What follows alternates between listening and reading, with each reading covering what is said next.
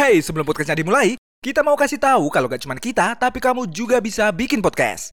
Mulai dari rekaman, edit suara, tambah lagu, sampai drag and drop sana sini, bisa kamu lakuin sendiri dengan platform Anchor. Satu aplikasi buat semua kebutuhan podcast. Dan Anchor ini gratis, bisa di-download dari App Store dan Play Store, atau juga bisa diakses dari website www.anchor.fm. Gampang kan? Pakai Anchor buat podcast jadi lebih mudah.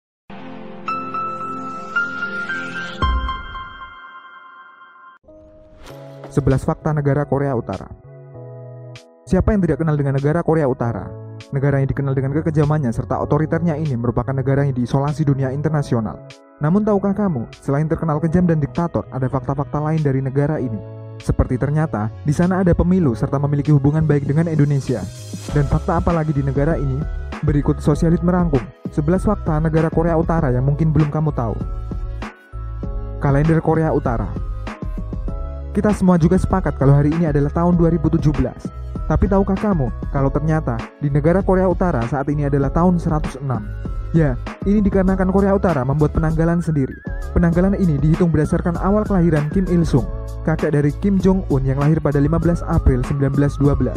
Dan ini juga berarti kalau tahun baru Korea Utara bukan jatuh pada tanggal 1 Januari seperti yang kita rayakan, tapi pada tanggal 15 April. Gaya rambut kamu juga pasti sudah sering mendengar bagaimana ketatnya aturan di negara Korea Utara. Saking ketatnya, bahkan potongan rambut warganya pun diatur. Ada 28 gaya rambut yang diperbolehkan di sana, di mana laki-laki bisa memilih 10 gaya rambut, sementara untuk wanita diperbolehkan memiliki 18 gaya rambut. Dan untuk gaya rambut seperti yang dimiliki Kim Jong-un, tidak ada satupun yang diperbolehkan untuk menirunya. Bahkan, pada tahun 2005, pilihan gaya rambut ini disiarkan di TV sebagai pedoman bagi rakyat setempat. Jadi, kalau kamu mau pergi ke Korea Utara, sebaiknya jangan potong rambut sembarangan.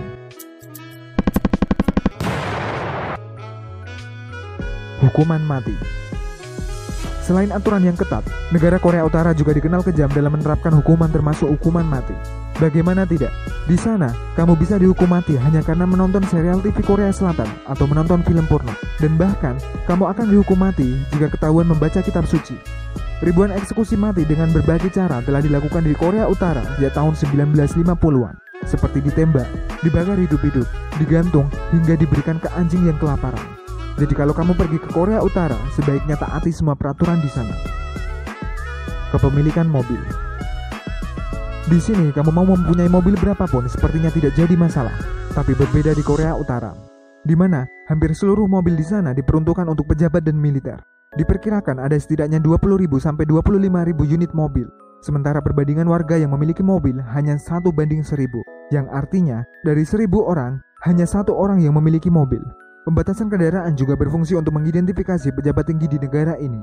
Jadi, kalau kamu bosan dengan kemacetan, kamu bisa coba tinggal di Korea Utara. Ya, kalau kamu berani sih. Pemilihan umum Meski Korea Utara merupakan negara yang otoriter, namun jangan salah. Di sana juga ada pemilihan umum untuk memilih presiden. Pemilu di sana diselenggarakan setiap lima tahun sekali, dan uniknya, menurut media setempat, 100% warga di sana datang ke TPS untuk melakukan pemungutan suara. Jadi tak ada satu orang pun yang golput. Ya meskipun hanya ada satu kandidat di kertas suara, dan semua orang di sana memilih Kim Jong-un. Hukuman generasi Hampir sama di negara kita. Di Korea Utara, jika kamu melakukan tindakan kriminal, kamu akan bernasib di penjara. Namun yang membedakan adalah, di Korea Utara dikenal dengan hukuman generasi ke generasi, yang artinya, jika kamu melakukan tindakan kriminal, maka anak serta cucumu akan mendapatkan hukuman juga. Meski tidak di penjara, namun biasanya mereka akan mendapatkan hukuman kerja sosial sepanjang hidup mereka. Jadi jangan sekali-kali melakukan tindakan kriminal di Korea Utara. Kim Jong Il Sebelum kita lanjut, kita mau rekomendasiin aplikasi yang bisa kamu pakai untuk membuat podcast seperti yang sekarang sedang kamu dengerin ini. Namanya Anchor. Dan Anchor ini gratis. Bisa di-download dari App Store dan Play Store atau juga bisa diakses dari website www.anchor.fm. Gak cuma buat, tapi kamu juga bisa langsung share dan publish hasil rekaman kamu ke Apple Podcast, Spotify, Stitcher, dan masih banyak lagi dari Anchor ini. Download Anchor sekarang ya buat kamu yang mau bikin podcast. Pada masa kekuasaannya, Kim Jong-il dikenal merupakan seorang yang gemar meminum brandy. Bahkan, Kim Jong-il digambarkan telah mengimpor minuman koknet merek Hennessy sampai 1,2 juta dolar. atau sekitar 160 miliar rupiah per tahun. Sementara rata-rata pendapatan warga negara Korea Utara hanya berkisar antara 1000 sampai 2000 dolar atau sekitar 13 sampai 26 juta rupiah. Ini bahkan 800 kali lebih besar dari upah rata-rata tahunan warga Korea Utara. Akibat kegemarannya tersebut, Kim Jong Il juga dinobatkan sebagai pelanggan Hennessy terbesar di dunia.